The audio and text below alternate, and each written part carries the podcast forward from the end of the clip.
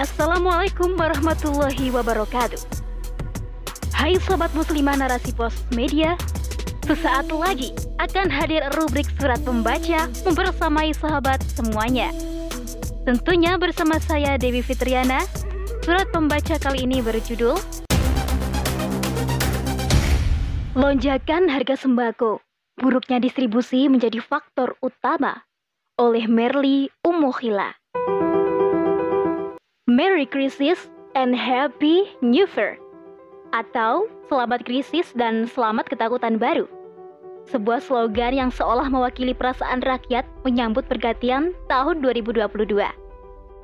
Slogan yang muncul sebagai grafiti di Athena selama kerusuhan sipil 2008 di Yunani ini cukup relevan pada kondisi saat ini. Tahun baru, harapan baru. Idealnya seperti itu. Tapi faktanya justru hopeless. Bukan naik tetapi berganti harga. Bayangkan saja, harga minyak kemasan yang sebelumnya kisaran 28.000 diganti menjadi harga 42.000. Begitu juga dengan harga cabai, telur, dan komoditas pangan yang lain. Bagaimana bisa survive memasuki tahun baru dengan harapan baru? Tidak hanya sembako, Kebutuhan dasar lainnya seperti gas LPG non-subsidi pun mengalami kenaikan hingga 25.000 di tingkat pengecer untuk gas 12 kg. Lalu ada lagi rencana penghapusan premium yang akhirnya dilarat pemerintah bahwa batal menghapus BBM jenis premium, tetapi mengubah aturan terkait pendistribusian dan juga harga jualnya. Kenaikan harga kebutuhan pokok melonjak tak terkendali memasuki libur Nataru. Dan ini menjadi semacam tradisi yang terus terulang. Harga-harga naik jelang lebaran, Natal, dan Tahun Baru. Celakanya, pemerintah seolah tutup mata dan berjanji akan stabil setelah awal tahun. Namun faktanya hingga hari ini belum ada komoditi yang mengalami penurunan harga.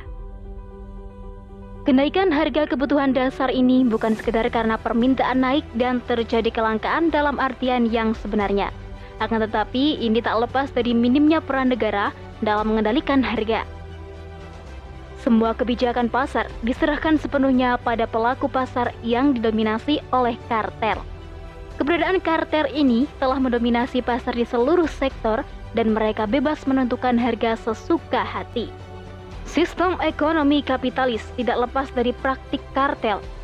Meski dilarang, namun keberadaannya sudah menjadi rahasia umum terjadi persekongkolan antara perusahaan untuk menetapkan harga sesuai dengan prinsip ekonomi kapitalis, yaitu profit oriented.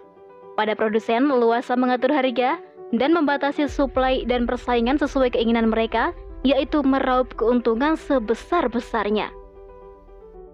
Hal ini dikuatkan oleh pendapat guru besar Fakultas Ekonomi dan Bisnis Universitas Pajajaran, Profesor Maman Setiawan Beliau mengungkapkan bahwa keberadaan kartel berdampak besar pada kenaikan harga suatu produk di pasar. Kartel ini menguasai berbagai sektor dan memonopoli harga. Walhasil, mahalnya harga bahan pangan bukan hanya karena kelangkaan barang, akan tetapi buruknya pendistribusian barang dari produsen ke konsumen. Harga menjadi pengendali distribusi barang, sehingga hargalah yang menentukan siapa saja yang mampu membeli. Bagi masyarakat ekonomi menengah ke atas, mungkin kenaikan harga tidak terlalu dirasakan. Akan tetapi, bagi rakyat jelata menjadi suatu hal yang memusingkan. Karena mau tidak mau, kebutuhan akan barang tersebut yang menuntut pemenuhannya. Lalu siapa yang paling dirugikan dalam hal ini?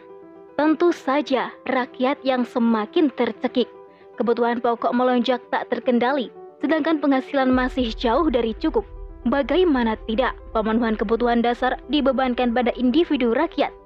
Tidak sekedar pangan, sandang, dan papan, tetapi rakyat masih harus menyiapkan biaya pendidikan dan kesehatan yang tinggi.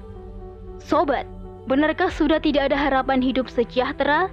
Dengan pergantian dari rezim ke rezim, bahkan di usia kemerdekaan yang mendekati satu abad, rasanya terlalu naif jika masih berharap akan ada harapan baru.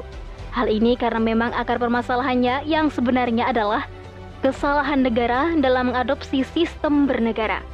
Dalam sistem Islam, politik pangan dijalankan dalam rangka mengurusi hajat hidup individu rakyat. negara berkewajiban memastikan ketersediaan pangan rakyat dan menjamin pendistribusiannya bebas dari praktik kartel.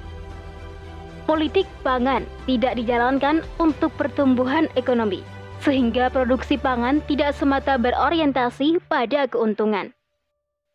Negara mempunyai kekuasaan penuh dalam mengatur produksi tanpa intervensi asing, serta tidak mengenal privatisasi maupun liberalisasi pangan. Dalam produksi, negara mengatur pendistribusian barang yang cepat tanpa ada praktik penimbunan atau persengkongkolan antara produsen dan distributor. Negara juga mendorong dan memfasilitasi pertanian rakyat untuk swasembada pangan, sehingga rakyat selain sebagai konsumen juga bisa menjadi pelaku ekonomi sebagai sumber pendapatan. Namun, sistem ekonomi Islam tidak bisa diterapkan secara parsial ataupun bertahap harus ada perubahan fundamental dalam tata kelola negara secara keseluruhan karena setiap aspek akan saling terkoneksi dan tidak akan bisa diterapkan hanya sebagian aspek saja. Sistem pemerintahan ini sudah pernah diterapkan dan terbukti telah menyejahterakan penduduk sepertiga bumi hingga belasan abad lamanya. Sudah saatnya kita menyongsong harapan baru dengan tatanan kehidupan Islam mewujudkan Islam rahmatan lil alamin, yaitu Islam yang memberikan rahmat seluruh alam. Bersama menegakkan syariatnya di bawah sebuah institusi pelaksana hukum syara, yaitu Daulah Khilafah Islamiyah ala manhaj nubuwah. Sebagaimana firman Allah Ta'ala dalam surat Al-A'raf ayat 96. Jikalau sekiranya penduduk negeri-negeri beriman dan bertakwa, pastilah kami akan melimpahkan kepada mereka berkah dari langit dan bumi. Tetapi mereka mendustakan ayat-ayat kami itu, maka kami siksa mereka disebabkan perbuatannya. Wallahu a'lam bishawab.